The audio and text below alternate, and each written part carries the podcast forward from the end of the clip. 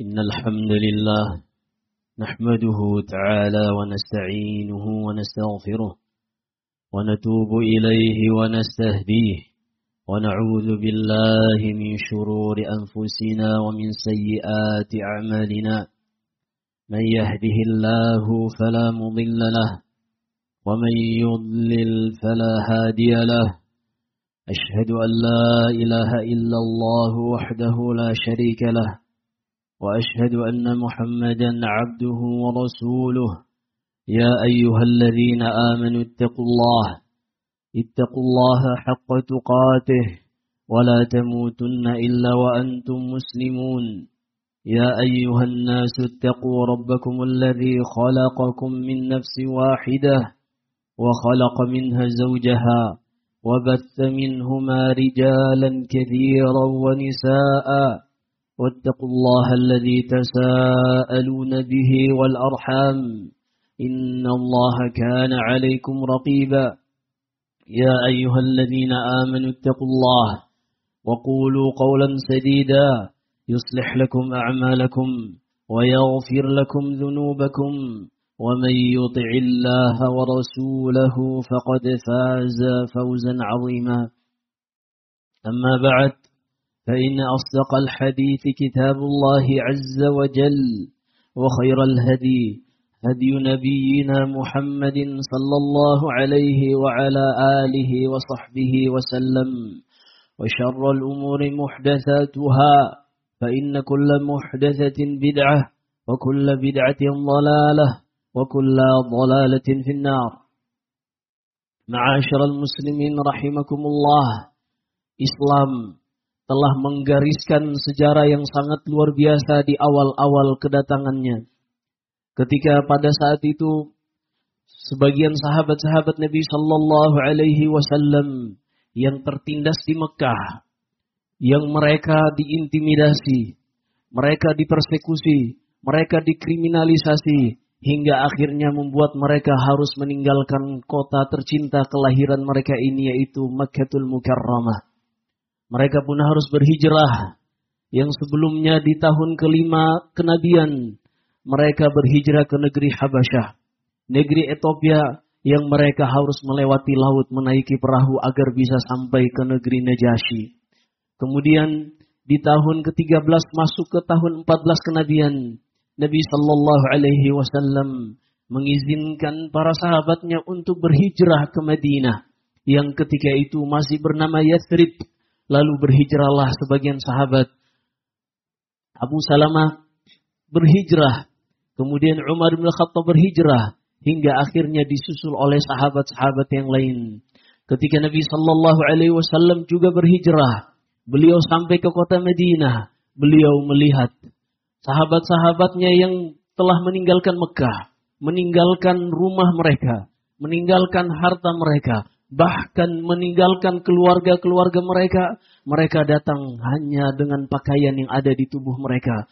Sesampainya di Madinah, sesampainya di Yazrib, mereka tidak memiliki tempat tinggal untuk ditinggali. Mereka tidak memiliki harta untuk digunakan di dalam berdagang, memulai kembali hidup mereka dari nol.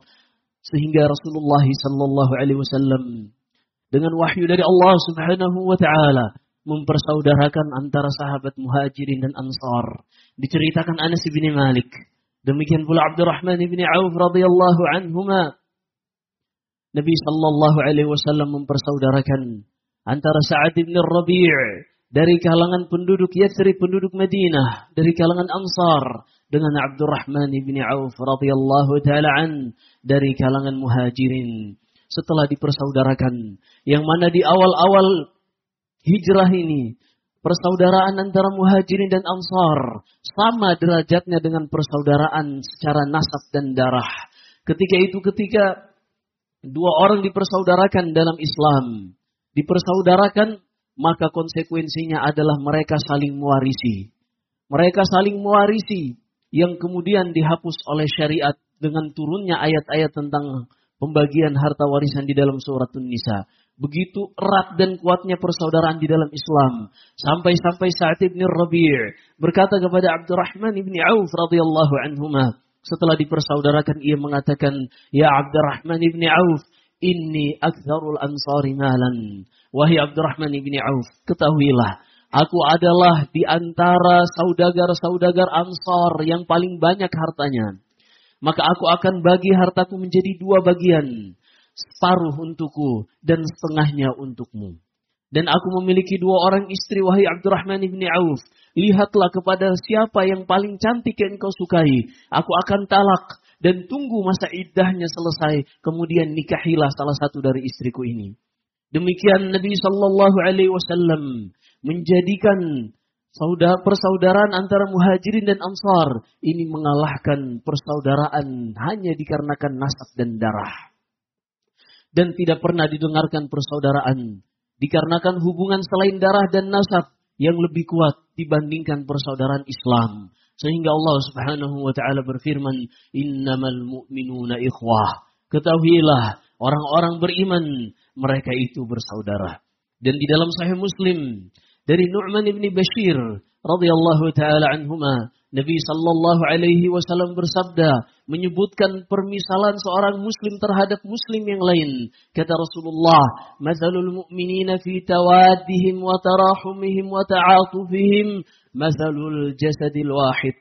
Permisalan antara muslim dengan muslim yang lain di dalam kasih sayang sesama mereka, di dalam rasa cinta di antara mereka, di dalam lemah lembut di antara mereka, dan sikap-sikap di antara mereka bagaikan satu tubuh.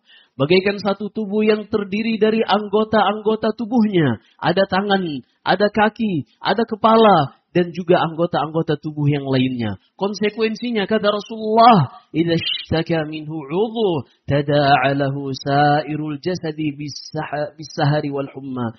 Jika ada satu anggota tubuh yang sakit, jika jari kelingking ini sakit, tertusuk duri, membuatnya infeksi, mengakibatkan seluruh tubuh ini tidak ada yang bisa tidur. Semuanya begadang, semuanya merasakan sama dengan apa yang dirasakan ujung kelingking ini.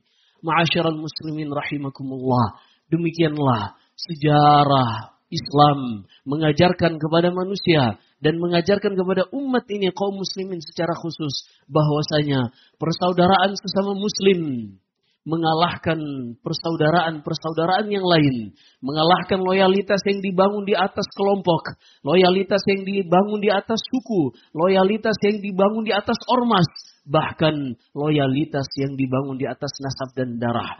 Demikianlah Sa'ad bin Rabi' Demikian pula Abu Darda, salah seorang penduduk Ansar, penduduk Medina, memperlihatkan kepada saudaranya Salman Al-Farisi yang telah meninggalkan negeri Persia, yang meninggalkan keluarga, meninggalkan harta, meninggalkan seluruhnya demi hanya untuk berjumpa dengan Nabi Sallallahu Alaihi Wasallam sehingga rasa loyalitas kepada seorang Muslim ini sesuatu yang harus ditanamkan di dalam hati seorang Muslim.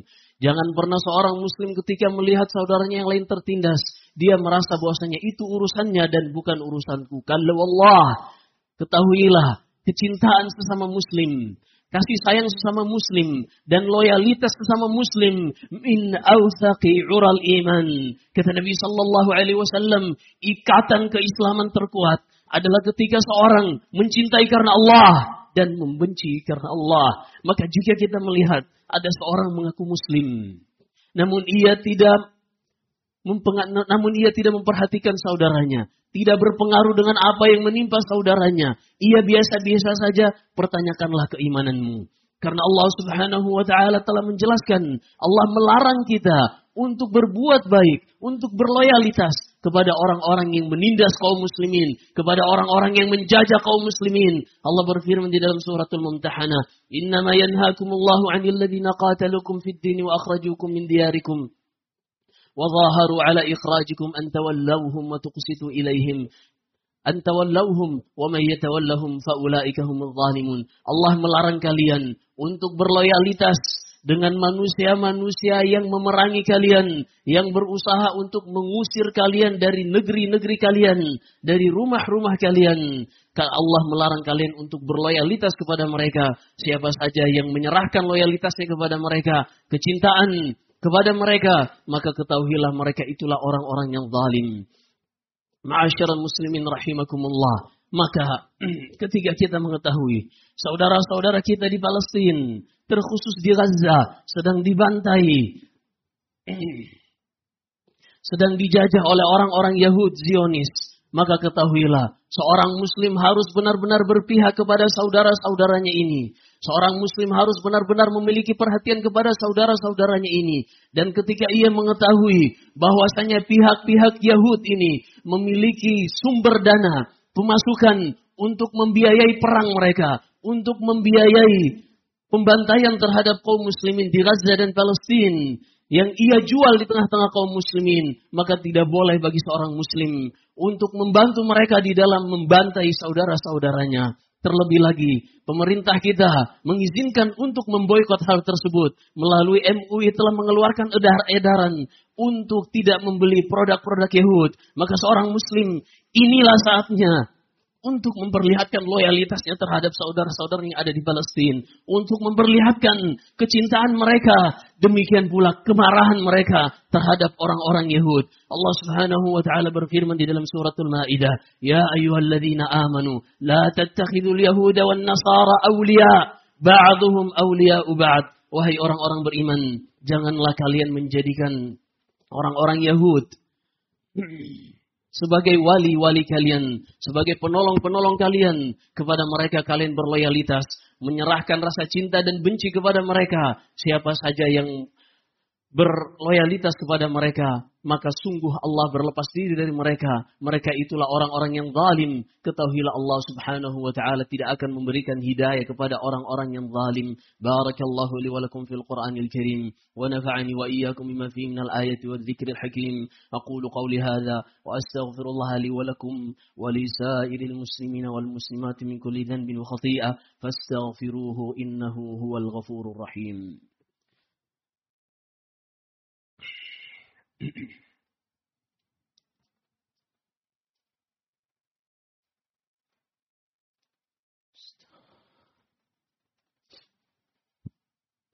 الحمد لله رب العالمين والعاقبة للمتقين ولا عدوان إلا على الظالمين.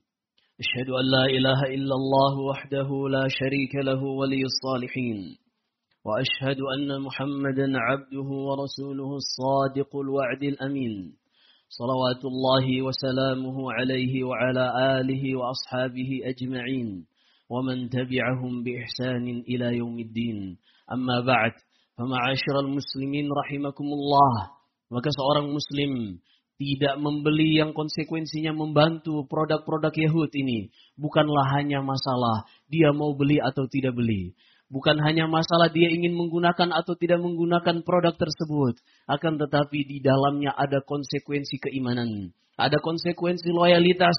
Bagaimana mungkin seorang muslim melihat saudaranya ditindas. Anak-anak mereka dibunuhi. Wanita-wanita mereka dibunuhi. Dan saudara-saudaranya dibantai rumah-rumah mereka dihancurkan dengan roket-roket. Kemudian ia hanya terdiam dan tidak tergerak hatinya. Padahal Allah Subhanahu wa taala berfirman di dalam surat Taubah, "Wa in istansarukum fid dini fa'alaikumun nasr illa ala qaumin bainakum wa bainahum mithaq." Kata Allah, kalau saudara-saudara kalian meminta pertolongan kepada kalian dalam keadaan mereka sedang ditindas, sedang dijajah, sedang dibantai, bantu mereka. Ini perkara yang wajib kecuali kata Allah jika di dalam jika di dalam bantuan tersebut membuat kalian melanggar perjanjian atau memberikan kemudaratan kepada kaum muslimin secara umum. Ma'asyiral muslimin rahimakumullah. Maka kalau kita tidak bisa bantu, maka minimal kita tidak kalau kita tidak bisa bantu saudara-saudara kita di Palestina, maka minimal kita tidak membantu musuh-musuh Allah dari kalangan orang-orang Yahud untuk membantai kaum muslimin. Ma'asyiral muslimin rahimakumullah. Kemudian di antara bentuk kecintaan kita kepada saudara-saudara kita, bentuk kasih sayang dan loyalitas kita kepada mereka adalah ketika kita melihat mereka membutuhkan, mereka sedang dalam keadaan kehilangan segalanya di sinilah kita perlihatkan posisi kita sebagai seorang muslim. Status kita sebagai seorang saudara terhadap saudaranya. Ia pun harusnya berusaha untuk mencari hal-hal yang bisa ia lakukan. Di antaranya adalah mengumpulkan donasi bagi saudara-saudaranya sesama muslim. Nabi Shallallahu Alaihi Wasallam Suatu saat sebagaimana yang diriwayatkan Imam Muslim dari sahabat Jarir bin Abdullah al-Bajali radhiyallahu taala an, ia mengatakan suatu saat di siang hari datang beberapa sahabat-sahabat Nabi yang baru saja masuk Islam. Kulluhum min Mudar. Mereka ini datang dari kabilah Mudar. Mereka datang dalam keadaan yang sangat memprihatinkan. Tidak beralas kaki. Pakaian mereka pun kasar. Yang menunjukkan mereka adalah orang-orang yang sangat miskin. Mereka datang dari Mudar. Berjalan sangat jauh ke Medina. Dalam keadaan tidak beralas kaki. Melewati tanah. Dan padang pasir yang begitu panas antara tempat mereka dengan Madinatul Rasul sallallahu alaihi wasallam. Kemudian ketika mereka datang, Rasulullah melihat mereka seperti itu. Fatama'ara wajhu Rasulullah sallallahu alaihi wasallam. Kata Jarir, wajah Rasulullah langsung berubah. Terlihat kesedihan dan iba di dalam diri beliau yang sangat besar. Beliau pun masuk ke salah satu rumah istrinya. Kemudian keluar, masuk lagi ke rumah istrinya yang lain.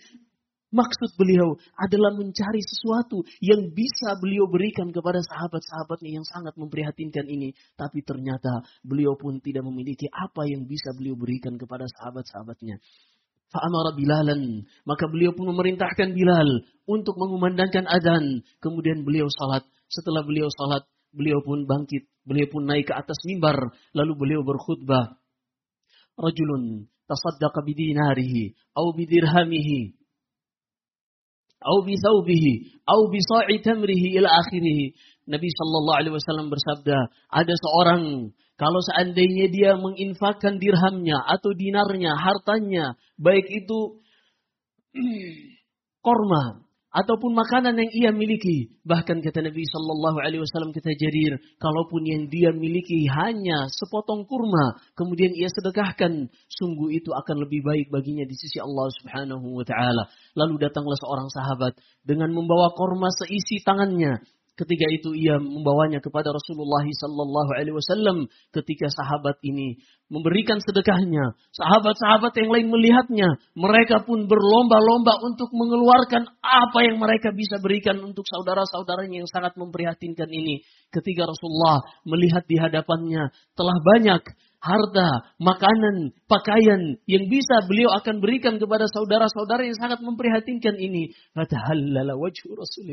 Wajah beliau pun kembali ceria dan senang terlihat dari wajah beliau. Beliau pun memberikannya kepada sahabat-sahabatnya dan saudara-saudaranya yang baru masuk Islam. Ma'asyiral muslimin rahimakumullah. Inilah Islam. Inilah persaudaraan di dalam Islam. Maka lihatlah diri kita. Apakah kita bersama musuh-musuh Islam yang akan membahayakan keimanan kita. Yang akan mengurangi, bahkan bisa menghabisi keimanan kita. Ataukah kita sedang bersama saudara-saudara kita. Walaupun mungkin berat rasanya. Kita untuk meninggalkan produk-produk yang selama ini kita gunakan. Untuk membeli yang baru lagi akan berat rasanya kalau kita tidak membeli produk yang sama. Tapi ketahuilah, di sinilah keimanan seorang muslim teruji. Di sinilah loyalitas seorang muslim teruji. Apakah kita bagian dari muslim? Ataukah kita mengatakan Islam ini hanya sekadarnya saja. Kita lahir sudah dalam keadaan Islam. Sehingga kita tidak mengetahui kadar Islam. Ketahuilah, semuanya akan tercatat di sisi Allah Subhanahu wa taala dan tidak akan masuk surga illa nafsun muslimah, tidak akan masuk surga kecuali seorang yang muslim. Dan Nabi sallallahu alaihi wasallam bersabda, "La yasma'u bi ahadun min hadhihi al-umma yahudiyyun wala nasraniyyun, thumma yamut wa lam yu'min billadhi ursiltu bih, illa kana min ashabin nar." Kata Nabi sallallahu alaihi wasallam, "Tidaklah seorang dari umat ini mendengar kedatanganku, kemudian ia tidak beriman kepadaku, baik itu Yahudi ataupun Nasrani atau siapa pun dia ketika dia tidak beriman kepada Rasulullah beriman kepada Allah menjalankan syariatnya maka tidak akan ada tempatnya di neraka sejengkal, tidak akan ada tempatnya di surga sejengkal pun billah. Maka di sinilah saatnya kita memperlihatkan kejujuran keimanan kita untuk berjihad membantu secara fisik. Pemerintah kita tidak mengizinkan karena memang pemerintah ketika mengeluarkan keputusan tentunya yang terukur, terarah agar kaum muslimin bisa mencapai maslahat yang terbesar bagi mereka dan menghindarkan keburukan yang akan menimpa mereka. Kemudian yang berikutnya yang bisa kita bantu untuk saudara-saudara kita di Palestina adalah kita mendoakan mereka dan pemerintah kita melalui Kementerian Agama telah menyebarkan telah memberikan himbauan untuk kunut nazilah di sholat-sholat lima waktu kita, maka hendaknya kita doakan doa yang terbaik kepada saudara-saudara kita di Palestina. Namun khusus untuk sholat Jumat, para ulama menyebutkan tidak disyariatkan untuk kunut nazilah ketika sholat Jumat. Sebagaimana yang diriwayatkan dari Zuhri dan selainnya. Maka salaf dahulu tidak melakukan kunut nazilah ketika Jumat. Akan tetapi mereka melakukannya di dalam salat-salat mereka yang lain. Kata Syekh Ibn Uthaymin rahimahullah, hal ini dikarenakan ketika khutbah Jumat di dalamnya telah ada doa, maka pada kesempatan doa itulah hendaknya kita gunakan untuk mendoakan saudara-saudara kita di Palestina. Allahumma inna nas'aluka al-huda wa tuqa wal-afafa wal-ghina. اللهم انصر إخواننا المستضعفين في فلسطين اللهم انصرهم ولا تنصر عليهم وكن لهم ولا تكن عليهم وامكر لهم ولا تمكر عليهم. اللهم كن لهم مؤيدا ونصيرا وكن لهم وليا وظهيرا. اللهم أنقذ المسجد الأقصى من اليهود الغاصبين. اللهم أنقذ المسجد الأقصى من اليهود الغاصبين. اللهم أنقذ المسجد الأقصى من اليهود الغاصبين. اللهم عليك بهم وأعوانهم. اللهم عليك بهم وأعوانهم. اللهم عليك بهم وأعوانهم. اللهم فرق جمعهم وشتت شملهم. واجعل كيدهم في نحورهم يا قوي يا عزيز يا رب العالمين. اللهم لعنهم بلعنك اللهم لعنهم بلعنك اللهم لعنهم بلعنك. اللهم داوي جرح إخواننا المستضعفين في فلسطين. اللهم اشف مرضاهم وداوي جرحاهم وارحم موتاهم وتقبل موتاهم عندك من الشهداء. وتقبل موتاهم عندك من الشهداء وتقبل موتاهم عندك من الشهداء. اللهم استر نساءهم والطف بأطفالهم. اللهم إنا نسألك أن تعين إخواننا المستضعفين في فلسطين. اللهم انصرهم. اللهم سدد رميهم ووحد صفوفهم. اللهم اجعل عاقبة لهم لا عليهم. اللهم آمين في أوطاننا. ووفق ولي أمرنا لما تحب وترضى وخذ بناصيته للبر والتقوى وارزقه البطانة الصالحة التي تدله على الخير وتعينه عليه. ربنا اغفر لنا ولإخواننا الذين سبقونا بالإيمان ولا تجعل في قلوبنا غلا للذين آمنوا. ربنا إنك رؤوف رحيم. ربنا هب لنا من أزواجنا وذرياتنا قرة أعين واجعلنا للمتقين إماما. ربنا آتنا في الدنيا حسنة وفي الآخرة حسنة وقنا عذاب النار. عباد الله إن الله يأمر بالعدل والإحسان وإيتاء ذي القربى وينهى عن الفحشاء والمنكر والبغي يعظكم لعلكم تذكرون. واذكروا الله العظيم الجليل يذكركم واشكروه على نعمه وآلائه يزدكم ولذكر الله أكبر. والله يعلم ما تصنعون. الله أكبر الله أكبر. أشهد أن لا إله إلا الله. أشهد أن محمد